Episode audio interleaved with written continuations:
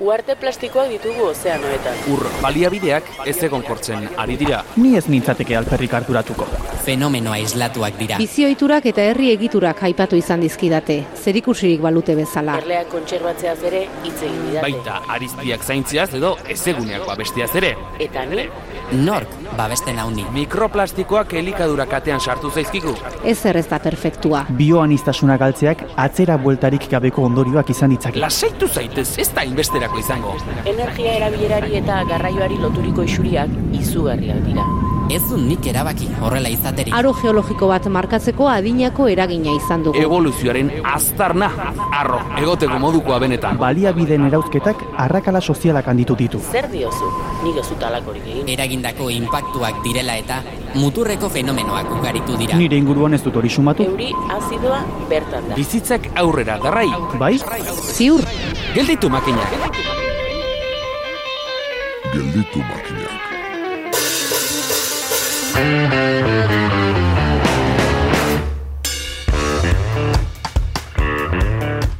Ipar izarra orientazio sistema eraginkorra da espedizioetan dabiltzanentzat. Barkuek itxasargiaren diztira bilatzen dute kairako sarbide aurkitzeko. Gaztetxoek erreferenteak dituzte euren pasuak eredutzatatzeko eta hauteskundeetan zerrendaburuak aukeratzen dira. Denean eraikitzen ditugu orientatzeko metodoak eta mugiaraziko gaituzten elementuak. Esaterako, liderrak.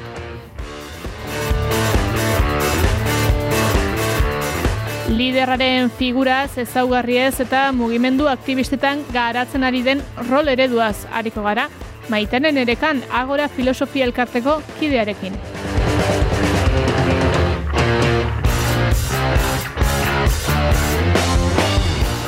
Jarraian Reas Nafarroako piturekin batuko gara eta elkarrizketaren gidaritza konpartitzeko eskainiko diogu.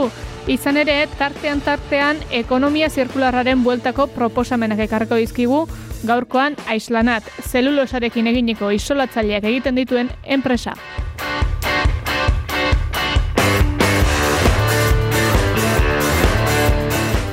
Eta amaierarako harretari ere eutxi beharko diogu, maite bidarte baitator, zine gomendio bat egitera. Hirugarren denboraldiko emezortzigarren saioa osatzera dator, gelditu makinak.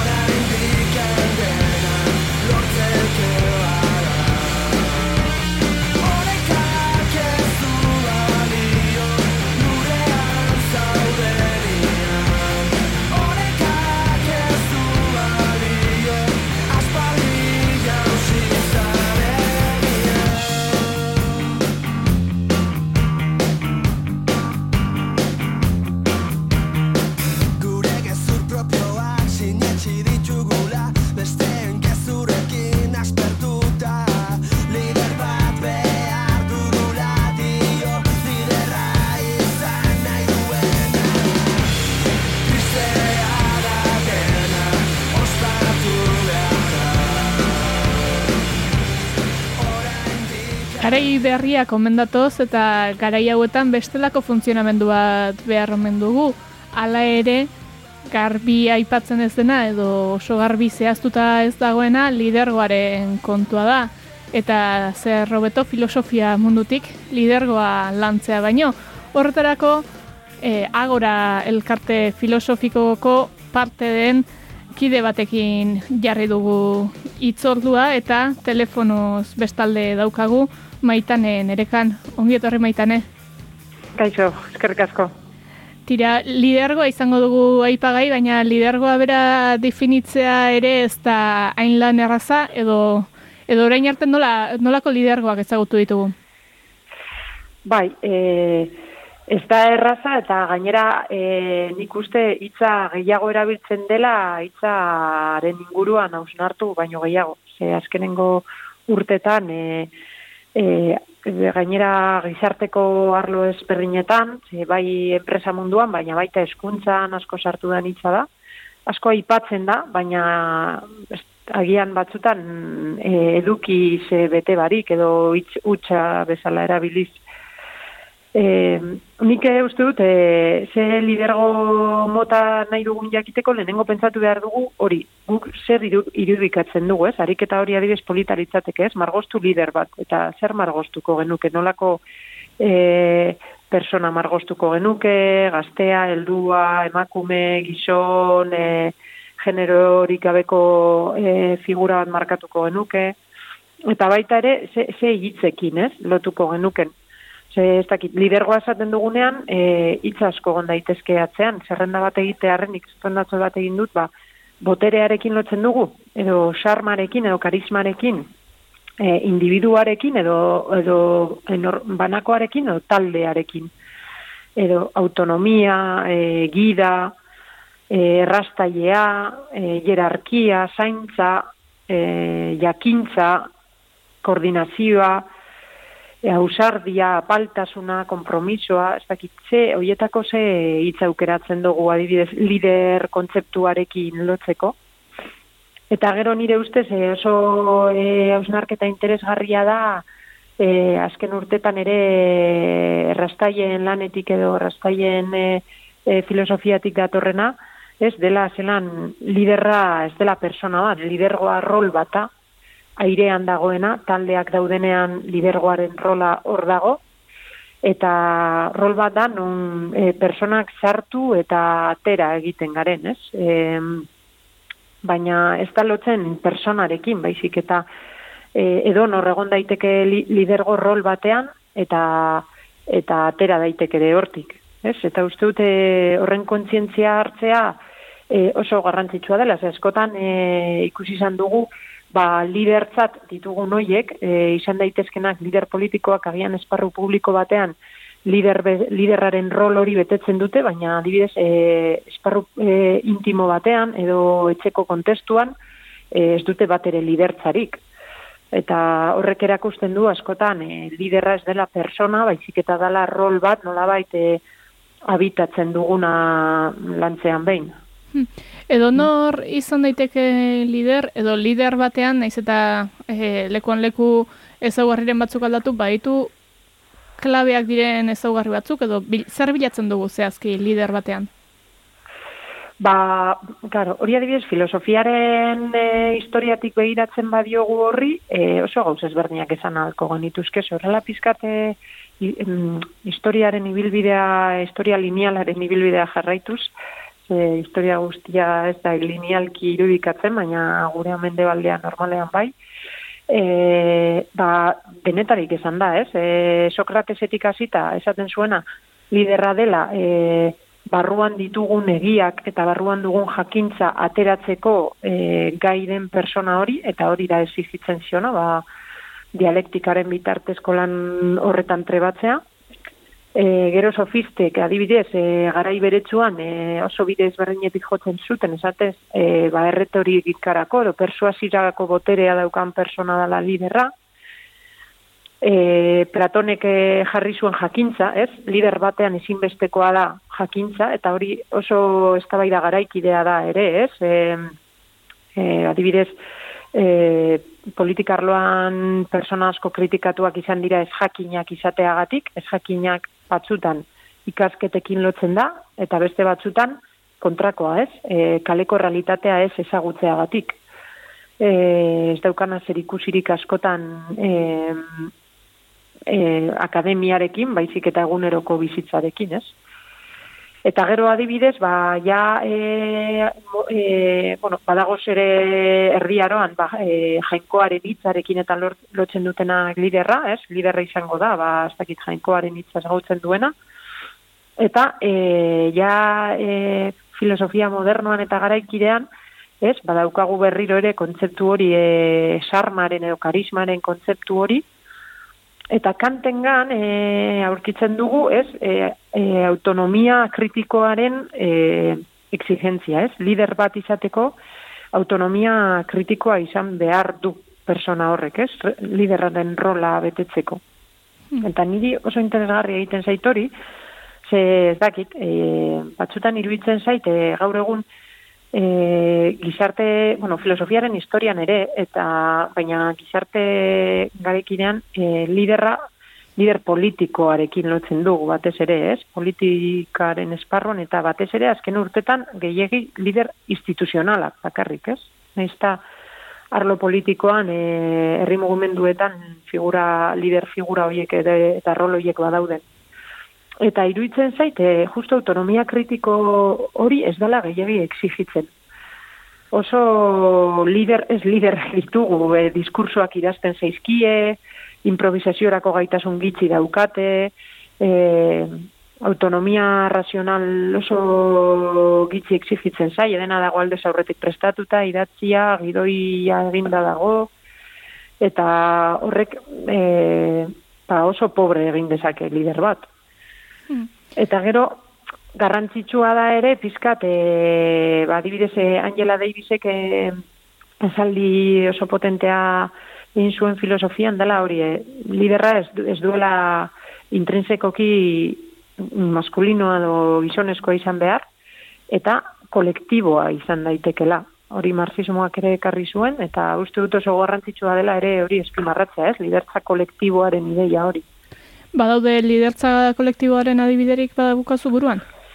Bueno, ba, adibidez, e, bai ez, esan zu horiek nintza seguru ni, baino askoz gehiago dakien jendea dagoen, baina kurdistanetik datorren e, e, datozen ereduetan, ez, e, lidergo konpartituak edo asko agertzen dira.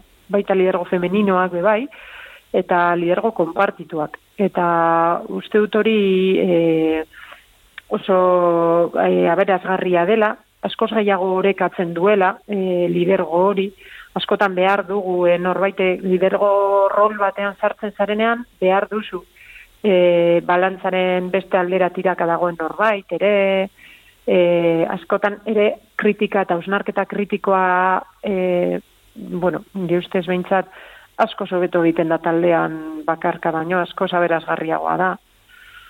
Orduan, agian hor daukagu ere du interesgarri bat. Aipatu duzun beste bat izan da lidergo femeninoa eta la ustekabean bezala pasada, baina heldu nahi diogu horri ere, zerla da lidergo femeninoa edo e, feminitateari e, atxikitzen zaizkien ezaugarria dituen fe, e, lidergo bat litzake edo ez du hortik. Ba, jo, saiatu naiz ikertzen horren inguruan, ze hori da, ipamen bat e, asko ikusi dudan azken urteotan, baina ere gertatzen zeidana lidergo hitzarekin bezala, ez? Atzean zer dauka horrek, ze aipatzen da e, liderar desde lo femenino, lidergo femeninoak eta, baina batzutan ez dut oso konkrezio mailan dirik aurkitu e, zertan datzan hori. Eta iruditzen zait dala esploratzeko oso e, e, ez dakit, e, ikerketa zela e, interesgarria. E, bueno, bai izango nuke e, kulturalki, azkenean e, generoak e, kulturaren ondorio direla ja aspaldi dakigu eta kulturalki e, maskulinitateari e, egosten zaizkiola ezaugarri edo jarrera batzuk eta feminitateari beste batzuk e, hoiek guztiak zalantzan jarri daitezke kulturalak diren einean Eta, bueno, litzateke pizkat eh, lidergoa kendu e, maskulinitatearen e, jarrera kultura hoietatik. Edo, bueno, gure esparru, e, mendebaldeko esparru kulturalean ari garenean, claro, ze oso ezberdina.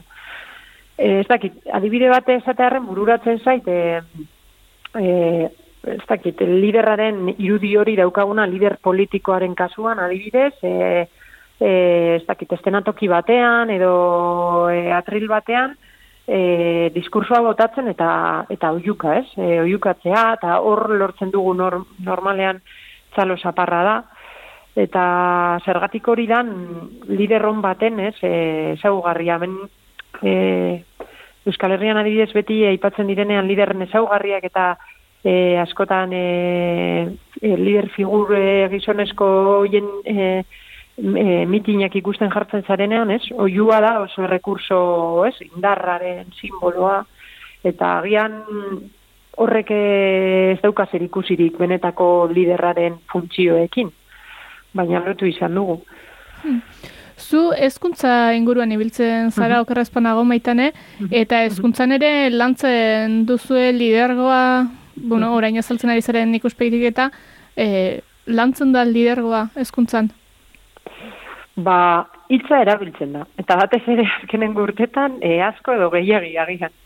Baina landu ez nuke esango lantzen danik. Edo ez da lantzen e, modu eraginkor eta sano batean. Nire uste apalean, eh? E, agian hasiko da orain, eh? Eta esperantza hori baina arazo handi ezaguna da arazo handia dagoela ikastetxe askotan, gehienetan e, adibidez e, bazakit koordinazio edo deitzen diote zuzendaritza, baina ditu nahiko nioke beste modu batean figuretan jartzen den jendea lortzeko, eta tartean hori izan daiteke lidergoaren e, lanketa sano bat ez dalako egiten.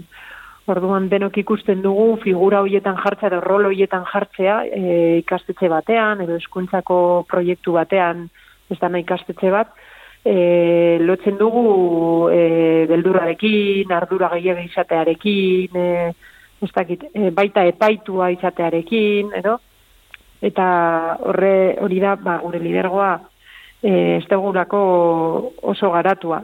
Eta baita ikasrekin ere, eh? E, askotan eskuntzan, ze, ze lidergo transmisio egiten dugu, ze rol horren ze, ze transmititzen dugun zalantzan jartzen dute egiten dugun, eta egiten dugunean ere esano egiten dugun, ez? Hmm. Lidergoak hmm. ze balore lantzeko balio dezake ba? Mm, bueno, ba, adibidez hori taldearen e, indarra, ez? E, azkenean, e, taldearekin lotuta doazen behar, oinarrizko beharrak eta funtzioak.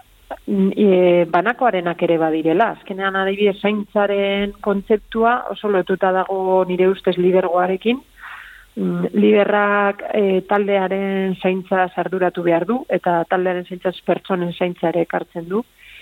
Eta, eta hori mehagian ez dugu horrela ikusi, ez?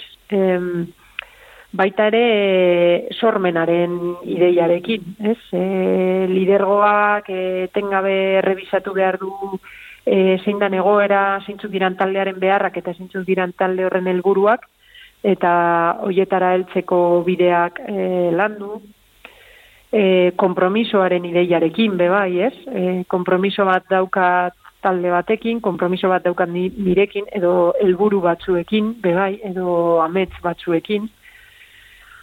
E, uste dut hortik e, asko landu daitekela eta asko landu beharko genukela, danak eroso sentitu alizateko nonbait espazio batean, e, lidergo rol batean. Hmm. Lidergo rola la ere beti ez da antxegina eta, bueno, memoria pixka mm. dugu ze ekosozialismoari edo ekologiari begira jarraita behintzat, eh, ezaguna da, inbat lider erailak izan direla, esaterako, mm ba, berta kasu ere izan daiteke adibide esanguratsuetako bat, Alako gerta erek ze eragin izaten dute, alegia liderra erailtzeak ze ondorio izaten oiditu mugimenduan? Hombre, ezkenean hori da, e, errepresio politiko eta sozialaren e, erakusgarri eta argiena, ez? E, ba, hori da terrorismoaren gakoa eta estatu terrorismoaren gakoa, kaso eskotan, ba, da, beldurra sartzea e, e, talde bati edo komunitate bati, erakutsi subpotere guztia daukazula eta naizta bera lidergo rol hori bete izan eta eta ondo bete gainera e, lidergo liderre hoien kasuan ba zuke amaitu alduzula horrekin, ez? Eh, claro, eskenean e, emakume horrek e, zalantzan jartzen dute e, sistema kapitalistak eta sistema ekoterroristak e, e, representatzen duen guztia, ez? Emakumeak direlako, lurraren defentsan egon direlako, e, komunitatearen ideia jarri dutelako individualismo basatiaren aurrean, mm, orduan e, horrekin amaitu behar dute, e, beraiek ez direla, ez dira lirterrak persona hoiek ez, ez dira arazo nagusia, baizik eta beraiek errepresentatzen dut, duten e, sistemaren kontrako zalantza guzti horiek, edo sistemaren kontrako e, filosofia guzti hori, ez? Zalantzan jartzen duena, edo mai gainean jartzen duena, e, sistema hori e, ba, lurraren konkistan eta e, lurraren e, suntxiketan oinarritutako sistema matxista eta patriarkal horrek, e, ezin duela, bueno, sistema hori ez dela sostengarria. Hmm. Tarduan, ordezkariak direnez, horren aurpegia direnez, horregatik ere eraitzen dituzte. E, aipatu dugu, elkarrezkataren hasira xamarrean lider bat ez dela pertsona bat, edo lidergoa ez dagoela pertsona bati lotuta, baizik eta rol bat dela, eta edo norri izan daitekela lider, edo lidertza izan dezakela. Ela ere beste adibide bat ekarreko dugu, eta Greta Thunberg gaztearena da, e, emakumea bera ere, kritikatu izan da korporazio handiek bihurtu dutela lider edo e, alako irudi mediatiko bat besterik ez dela eta euren meseetan baliatzen dutela. Eta horren gaineko irakurketa bat proposatu nahi nizuke ez dakidalako oso ongi hori zer den ea ba, lider baten instrumentalizazioa ote den edo e, bere potentziala ikusita ba, figura horrekiko gutxi espena e, hor zeharkatzen du emakume izate horrek ze eragin izan dezakeen, edo horren gaineko irakurketaren bat, eskatuko nizuke? Pues, e, zaiterreza egiten agian informazio faltagatik edo, e, ez naiz horrela fenomeno mainstreamen inguruko oso jakitun ez ditut zare sozialak asko jarraitzen, baina bai e, kasua noski ezagutzen dut, azkenean ere eskuntzatik asko heldu zaigurako ikasleen partetik eta, e, gauz, eta hor iruditzen zaite, izan daiteke e, korporazio handiek erabili izana, baina horrek ez du esan nahi bera e, bere helburua hori izan zenik, ez? Argi dago, e, gazte askorentzat e, lidergo rol bat bete duela. Eta gaitasun batzuk izan dituela, e, gazte askorentzat, bueno, gazte eta esain gazte askorentzat, e, ba, eltzeko, me, mesu batekin, e, kalean dagoen behar sozial batekin, bueno, lurrean dagoen behar sozial, behar e, urgente batekin, ez? E, eta heldu egin dela.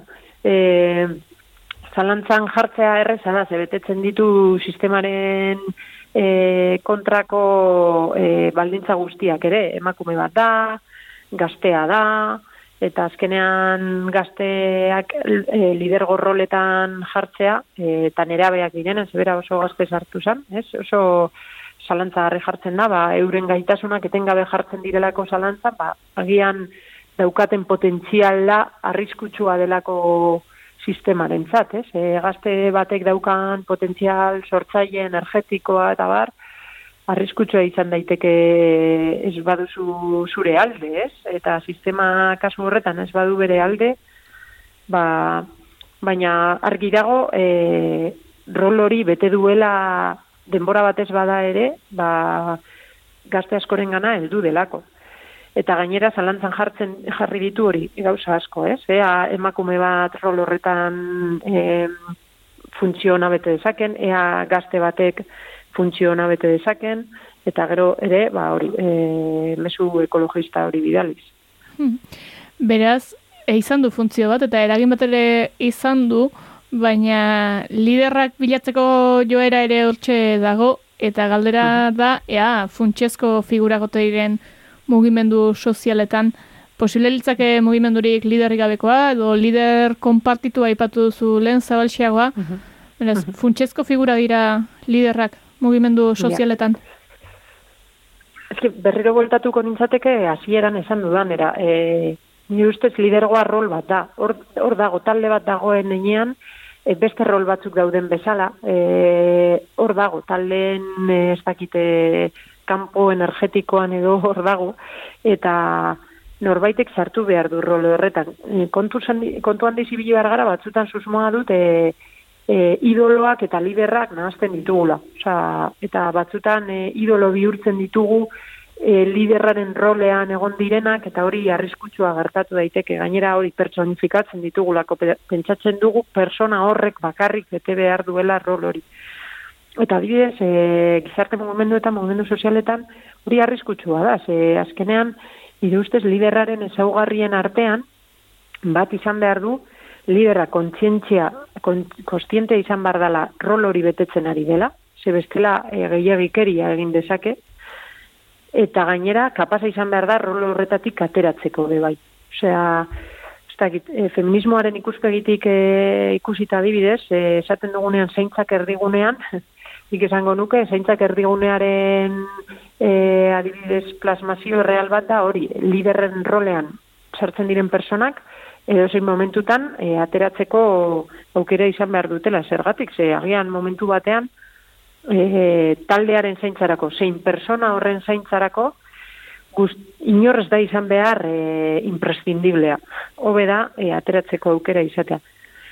Baina, baina rola badago, bai. Rola, osea, liderrak e, taldetan eta beraz e, e, gizarte mugimendutan beharrezkoak dira, ez da beharrezkoak dira e, elementu naturalak hor dagoelako rol hori. Beste gauza bat da persona konkretuak eta luze denbora luzegian egon behar diren. Ba, bueno, berezko elementu izan edo rolak izan da zer gutxiago lantzea baino, eta zuek baduzue lantzeko asmoa, ala? Hmm. Bai, e, bueno, hilero eagora filosofia elkartetik antolatzen dugu kafe filosofikoak e, Euskal Herriko herria ezberdinetan.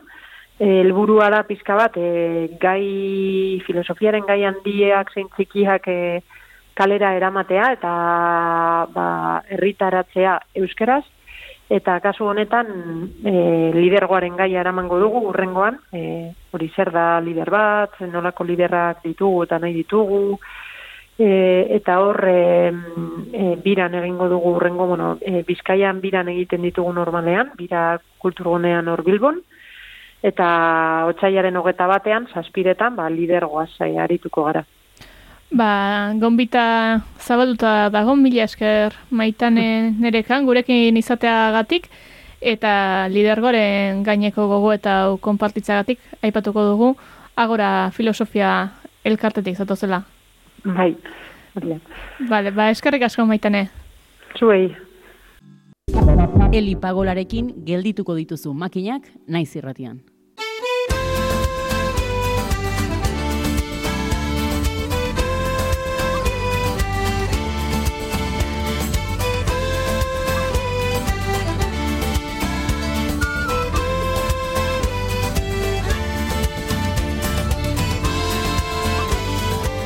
Ekonomia alternatibo eta solidarioa lantzen duen sarea da reas eta taldeak ditu bai Nafarroan eta baita EAN ere. Tartean, tartean joko dugu eurengana proiektu interesgarriak ezagutzeko bidea baita, hala ere gauza bakoitza bere garaian eta bere neurrian. Beraz, lehenik eta behin, agur lezagun pito, Nafarroako eh, koordinatzailea delako. Ongi etorri pitu. Kaixo, eskerrik asko. Tira, reas aipatu dugu, baina zein da, zer la reas eta zein dira bere lan esparruak? Mhm. Bueno, lan esparruak oso anitzak, oso zabalak, e, reas ekonomia solidarioaren e, sarea da. Zuk esan duzun bezala, bai Nafarroan, bai EAen eratua dagoen e, sare bat da. E, Estatu Espainia, Espainiarrean ere, hainbat tokietan sare hau existitzen da, provintziaka batzutan e, antolatzen dena. Eta, bueno, ba, hemen Euskal Herrian, Ego Euskal Herrian, e, lan, lan handia egiten duen e, sare bat da. Bueno, uste dut guk aurten e, Nafarroan hogei urte beteko ditugu, baina lehenagotik ere e, existitzen zen e, sare bat e, da. Eaen uste dut e, aurten ere ba, urte hurrena ospatu behar dutela, gainera hemendik e, gutxia dute oso, oso, ongi gogoratzen data, baina hemendik gutxira urtarrian edo otsailean ere ospatuko dute haien urte hurrena.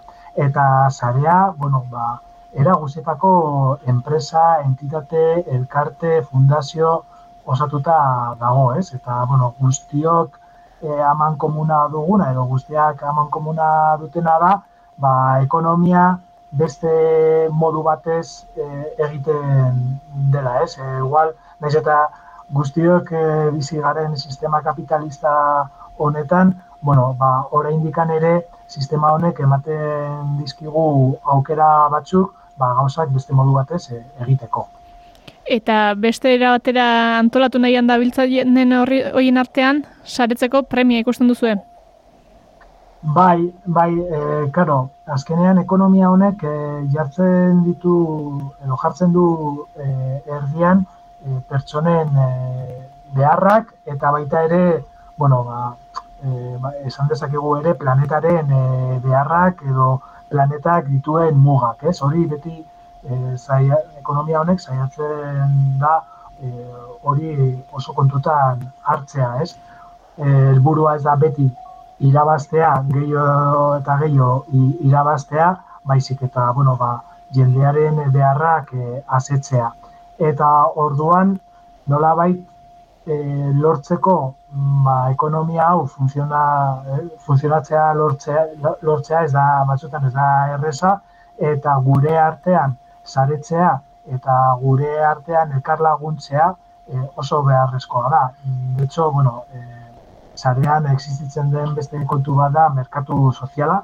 Merkatu horretan e, saiatzen gara biltzen ba, ekonomia solidarioa eten duten e, elkarte, enpresa, eragile guztiak, horre agertzen dira merkatu sozial horretan, eta merkatu sozial horrek ere ba, nola bait, e, bueno, saiatzen gara, batzuk besteak elikatzen, ez? Eta sortzen dugu, edo, bai, sortzen dugu, nola bait, e, ezakite, atmosfera bat, edo e, zera bat, bai, e, mundu txiki bat, non ekonomia solidario hori askoz agerikoa den. Eta, bueno, ekonomia sozialaren bueltan ibilitata, zer nolako enpresa eta ekimenak eta ibiltzen dira reasen inguruan, noren gana iristeko aukera izaten duzue? Mm Bueno, begira, nik e, bueno, duela gutxi hasi nintzen e, hemen e, lanean, eta egia esan, e, hasieran e, ez nekin oso ondo ze, ze, ze, ze zegoen e, reasen barruan. E, batzuek pentsatzen dute, ba, bueno, ba, ekonomia solidaria dena, dela pixka bat, e, karitata, edo, edo izango direla, pues, e, gehienak, izango direla fundazioak edo elkarteak, e, ba, jendeari laguntzeko e, dedikatzen direnak, ez? Eta egia zen, bueno, ba, anistazuna oso ondia da. E, baditugu elikadura eta nekazaritzaren inguruan e, edo Eh, horren zerbitzuak ematen dituzten entitateak, e, komertzioa ere, e, komertzio horretan, edo komertzio arloan lan egiten dutenak, baita ere kooperazioa eta sensibilizazioa lan egiten duten e, elkarteak eta e, fundazioak, baina baita ere, ba, eskuntza edo osasuna edo zaintzarekin lotuta edo lotura duten e, e, zera, entitateak, elkarteak edo enpresak.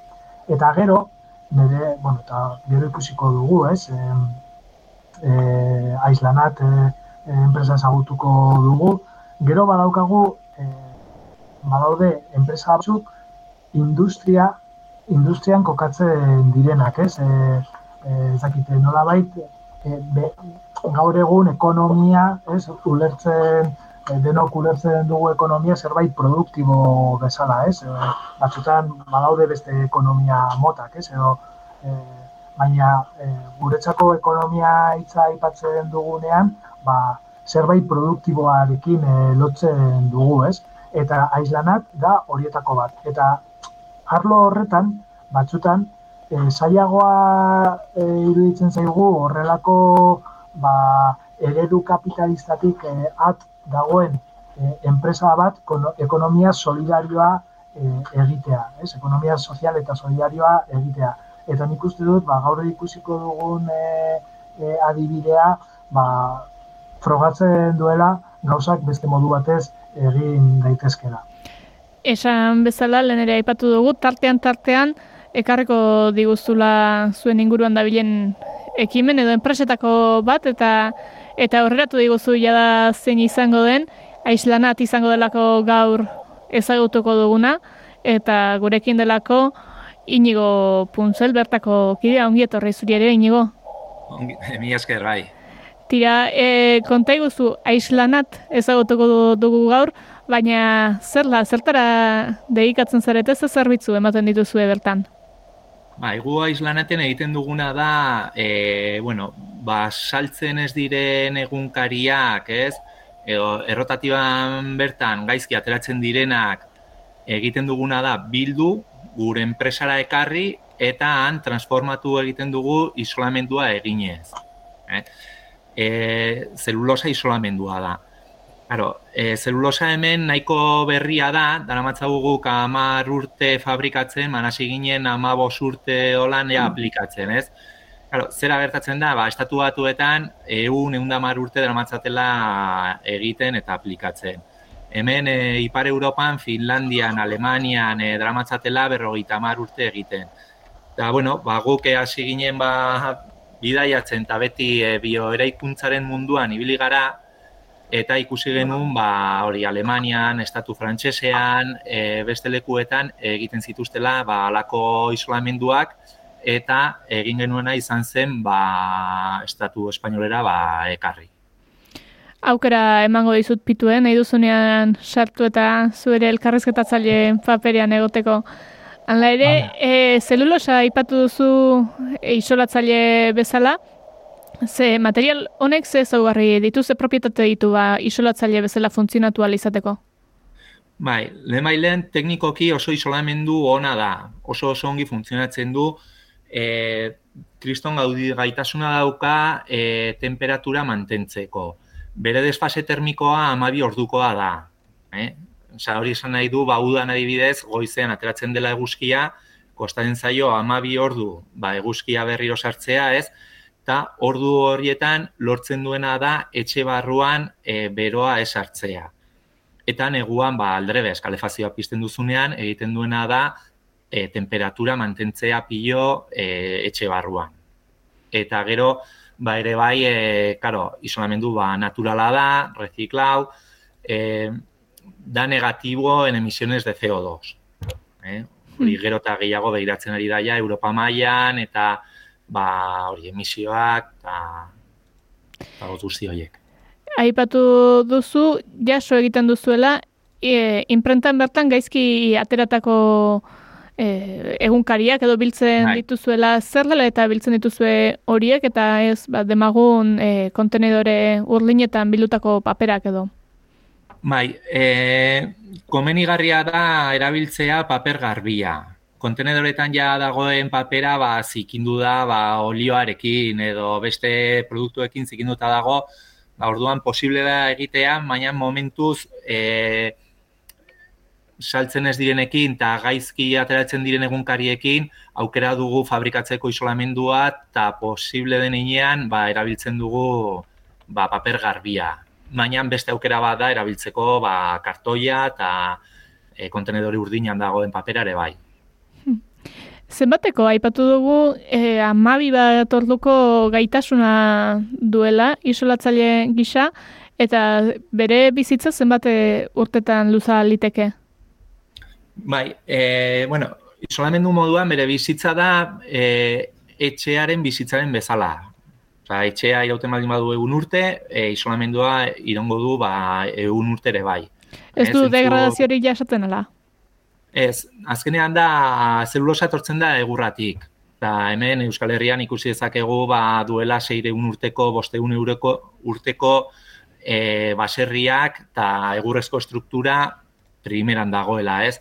Orduan, e, komenigarria da ba, ongi zainduta egotea etxea. Karo, guztitzen baldin bada, lehortu guzti, lehortu guzti, ba, egurra bezala, ba, degradatu daiteke. Baina oso oso zaila da hori gertatzea etxe batean. Isolamendua da, zelulosan oinarretutako isolatzaileak, e, bueno, hori da zuen zerbitzu eta horiek jartzen dituzue, hala ere nola da hori jartzeko sistema edo, edo nola jartzen duzue etxeetan? Bai, oso horreza da. E, guk, bueno, estatu mailan e, probintzi guztietan, ba, dira aplikadoreak, ba, erosten dituztenak e, gure isolamendua. Orduan gure ditzen digu jendea, eta, bueno, Euskal Herri mailan ere bai, ez? Eta norbaitek isolatu nahi badu etxea, deitzen digu guri, gu jartzen dugu kontaktuan, ba, Gipuzkoako edo Bizkaiko edo Arabako edo Iparraldeko enpresa batekin aplikadorea, aplikadorea dena, eta joaten dira haien etxeetara, normalean isolatzen ditugu etxe, osea, jendea bizitzen den etxeetan. Eh? Eta joaten dira, e, ikustera ea posible den isolatzea, egon behar da haize kamera bat orman, eta egiten dena da, ba, zulo bat egin, taladro bat, sartzen da kamera endoskopiko bat, eta horrekin ikusten da ea kamera dagoen edo ez. Posible baldin bada, ba, ematen da aurrekontu bat, guzti hori egiten da konpromisuri gabe eta ezer kobratu gabe, eta e, onartzen dutenean aurrekontua joaten da etxera, eta goiz batean, egun batean, isolatzen da e, hiru lau gelako pisu bat, ba egiten dira zulotxo txiki batu, batzuk e, hormetan, eta zulo hoien bitartez e, insuflatu egiten da e, zelulosa. Oso azkar, eta nahiko prezio edo zein familia ordaindu dezakeen e, prezio batea. Mm, Hala ere, aipatuko dugu ekonomia zirkularra dela eta sartu zaretela reasen ere, e, nahi nuke pixka bat garatzea zuen arteko lankietza harreman hori edo nondik sortzen den, nola hurbildu zinet, edo norra hasi zen, Zagit, reasetik jaso zen duten gonbiapena, zuek joan zineten saretzeko gogoz, nola, nola da zuen lankietza? Bai, gure kasuan joan ginen gu reasen gana. Zen eta, eta duela ez asko gainera. E, uste du daramatzagula reasen 6-sortzi urte inguru, eta bueno, enpresa sortu genuen duela mabos urte. Eta ez genuen reas ezagutzen. Baina, konturatu ginen, e, egiten genuela ekonomia soziala, ekonomia zirkularra, e, dena egiten genuela, baina ez genuen ezagutzen e, reas bezalako elkarte bat. Orduan, bueno, ba, ezagutu genuenean, ba, joan ginen eta sartu ginen bete-betean, barrura. Eta hori da nik uste dut eh, askotan eh, gertatzen dena, ez? Eh, jendea eh, bere negozioan eh, hori egiten ari dela, ekonomia solidarioa egiten ari dela, edo ba- baditu aukerak hori egiteko, eh, zen, bueno, reazen ere nolabait eh, albietzen duguna da, edo errazten dugu bide hori egiteko, ez?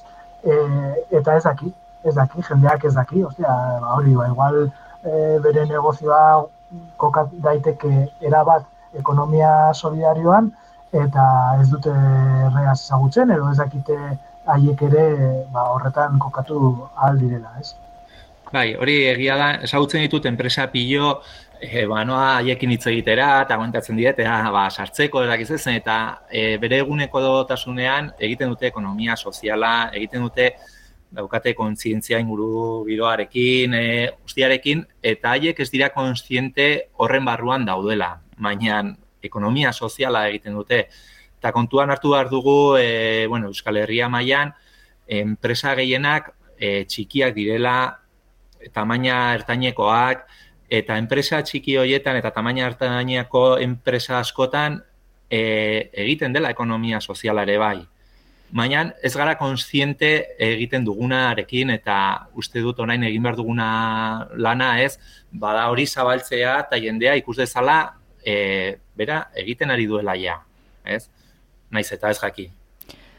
E, bestalde, ze aukera zabalditzake ekonomia sozialak edo ekonomia zirkularra egiteak, bi bide ezberdin izanik ere, ze aukera zabalditzake egungo merkatuan? E, irudika daiteke sistema badagoela bueno, begira da produktibista batetik eraikia eta zenbat eta gehiago produzitu orduan eta saltzeko aukera gehiago izango dela, hor bestelako logika batekin funtzionatzeak ze onura ekar litzake edo nola funtzionatu daiteke bestelako logika batean? Bueno, gu azkenean konturatzen gara, claro, e, sare bat sortzen da, ez? Eta sare horren barruan gauden pertsonak azkenean ba, oso argi daukagu zergatik gaudenan, e, nora joan nahi dugun, eta argi dago, ni zerbait erosi behar baldin badut, erosten dudala sare barru horretan dagoen enpresa bateri erosiko dioala, ez? Orduan, ba, bai sortzen direla, ba, lan egiteko aukerak, eta azkenean, ba, sare bat sortzen da, ez? Beraz, ez dagoela, bai, esanin, bota bitu. Ba, bai, iruditzen zait, gainera, e, bueno, ba, gero eta konsientzia gehiago dagola, gizartean, ba, gauzak eh, beste modu batez eh, egin behar direla, ez? E, ba, gure planeta eta guk e, espezie bezala, mm, bueno, pues, bestela arazo handiak izango ditugula, eta nik uste dut e, hau askotan inigorekin e, komentatu komentatu dut, ez? Iritsi garela momentu batean non e, ari gara bilatzen beste paradigma bat sortzea, beste eszenatoki bat e, sortzea eta badela momentua benetan ba, ba hori bere eredu bat e, erakusteko, ez? Mm, bueno, gaur egun muga eta erronka handiak eh handiekin, ez? e, baina nik uste dut e, orain gizartea oso oso adi dago aber e, bueno, ba, ze eskaintza dagoen gauzak e, ba, hobeto egin, izateko. Bai, eta ekonomia zirkularra agian ez dela nor bere enpresan hasi eta bukatzeko kontu bat bakarrik e, baizik eta bueno, komunidade baten ere funtziona dezaken e, mekanismo bat izan daitekeela ala.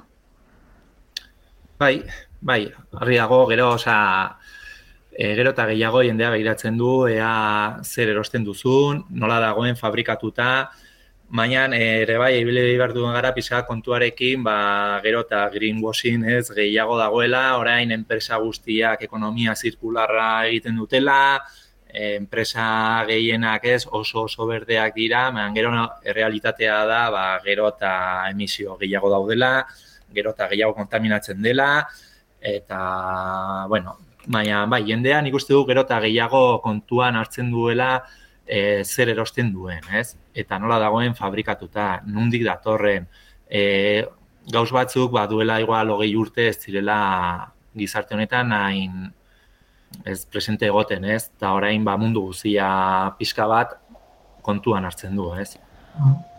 Aizu, e, inigo, eta, e, bueno, e, aipatu dugu ba, isolatze horrekin, etxeen isolatze horrekin, azkenean energia aurreztuko dugula, eta badira ere ekonomia solidariaren barruan, ba, energia sortzeko edo autokonsumo hori e, bultzatzeko ekimenak. Ez dakite, instituzioen aldetik, e, jode, ni oso argi ikusten dut, ez, egon, egon beharko zela nolabait e, laguntza hau guztia bultzatzeko zein da jasotzen duzuen eh, erantzuna instituzioen aldetik edo nola ikusten duzu zuk e, instituzioen e, jarrera?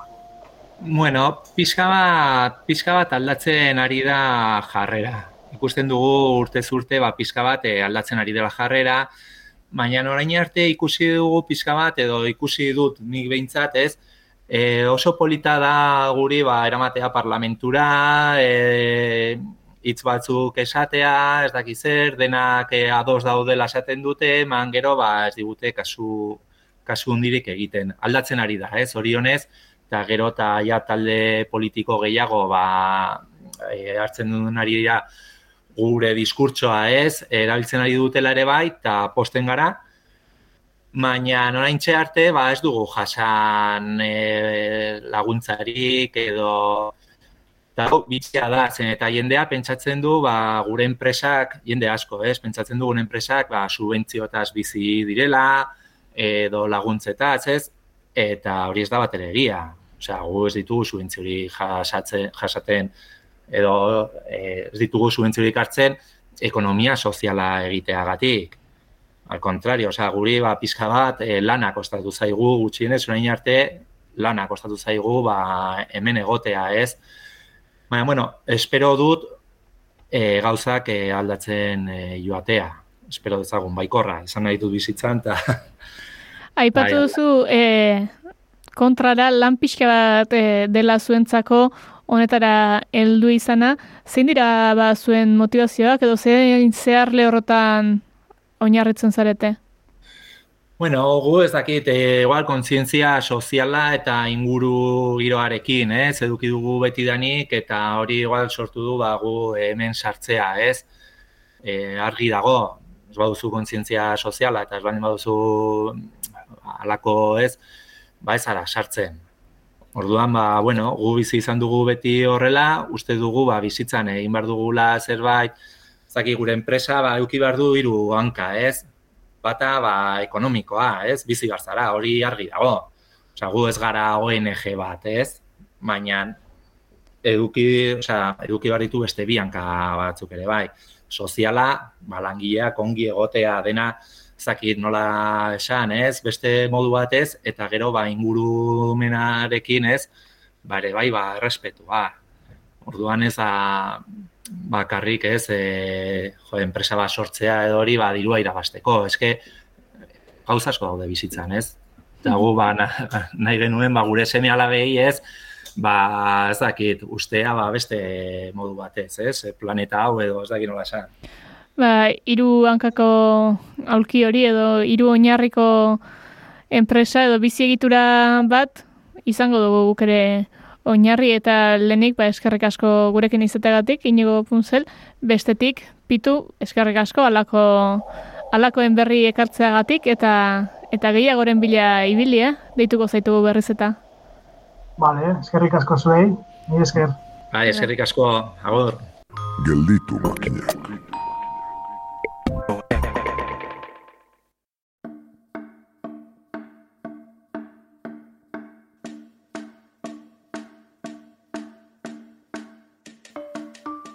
Eizue, ez altzaigu saio ederra geratu zine pilula batekin borobiltzeko. Bitan pentsatu beharri gabe guk maite bidarte gonbidatu dugu ala borobilduko degulakoan, baina lehenengo ongi etorri maite. Eskerrik asko, Eli. Tira, e, zu noiz etorreko zain zain geunden ezkero, hitza zuretzako. Ba, saia borobiltzeko Eusko Label ekoizpen bat ekartzen dizuet. Ez di urresolaren kuerdaz labur metraia, hogeita mar minutuko laburra da, eta jaialdia unitzetan e, ibili da, baita donostiko zinemaldian ere, beraz, e, seguro entzun duzuela zerbait do, e, dokumental labur honen inguruan. Kanesen estrenatu zen, gainera saria ere jaso zuen bertan, eta nabarmengarria da ere emakumeek baduten parte hartzea dokumental honetan ez bakarrik eh, emakumea protagonista direlako, zuzendia ere protagonista da, eta ekoizpen teknikoan ere gehiengoa e, emakumea da. Uste dut gero leno fijatu naiz eta gizon bakarra ikusi dut. Eta bertzeenak e, emakumea dira. Eta kuerdas pelikula ba, benetako pasadizo batean dago oinarrituta, e, jardunaldi batzuetan hartu zuen parte urresolak, nekazaritzaren ingurukoan, edo ekologiko, ekologiaren inguruko zerbaitetan, egiaran ez dakit ze, jardunaldi ziren, baina bertan, ba, han izandako edo entzundako hitzaldi batek inspiratu zuen nonbait. Eta, bueno, kuerdasen kontatzen da, nola herritiki batean emakumeek, ba, emakume batzuek problema bat daukate. Beraiek koro batean hartzen dute parte, e, diru laguntzak entzen diete eta ezin dute, ba, astero erabiltzen duten sala hori alokatu. Eta orduan proposamen bat e, egingo diete, eskaintza bat e, egingo diete, ba, arazo horri irtenbide bat bilatzeko. Baina nork egingo die eskaintza? Ba, baiarako enpresa handienetako batek oso kutsagarria dena. Eta orduan, ba, emakume hauek erabaki beharko dute enpresari dirua onartu edo ez, ez da erresa, eh? Tenemos que exponernos a que no contaminen. Porque yo no me vale el dinero si me están matando por otro lado. ¿Tú crees que, que vamos a poder hacer. El tema de hoy La continuidad es de la coral. la continuidad de la ¿Cómo- coral en condiciones mínimamente aceptables. Que de poco llegamos a las manos. Que no se puede aceptar limosnas a estas alturas. Hay en el siglo XXI eso. no se puede. No se puede rebajar hasta esos extremos. ¿Y qué quieres? Pues no lo sé ¿Qué? lo que quiero. Sí, ¿Tú qué temes? Perder el local. Perder el local, claro, es que no vamos a tener donde ensayar. Eta ez duzu kontatuko zer gertatzen, eh? Hogeita mar minutuko ez diazu kontatu beharrik ikusita daukadalako. Ara. Eta esango dugu Euskal Herriko herri txiki batean nahiko ezaguna izango dela. Ez dakit bertan egiten oinarritutakoa ote den, muskizen bertan oinarrituta ote dagoen edo ez, edo gertakariak egitazkoak diren, baina bai ongi islatzen du bertan gertatutakoa hori egia da. Bai, egia esan ez dakit non dagoen ikusteko aukera. Plataformetan behintzate ez dago, pentsatzen dute telebista publikoaren diru laguntza jaso zuela eta hemendik hilabete haunitzetara webgunean ikusteko aukera izango dugu. Pentsatzen Eta bestela pantalla handian ere, Hori da. daiteke ez? Bai, aukera da honean. Ba, eskerrik asko maite. Zuri,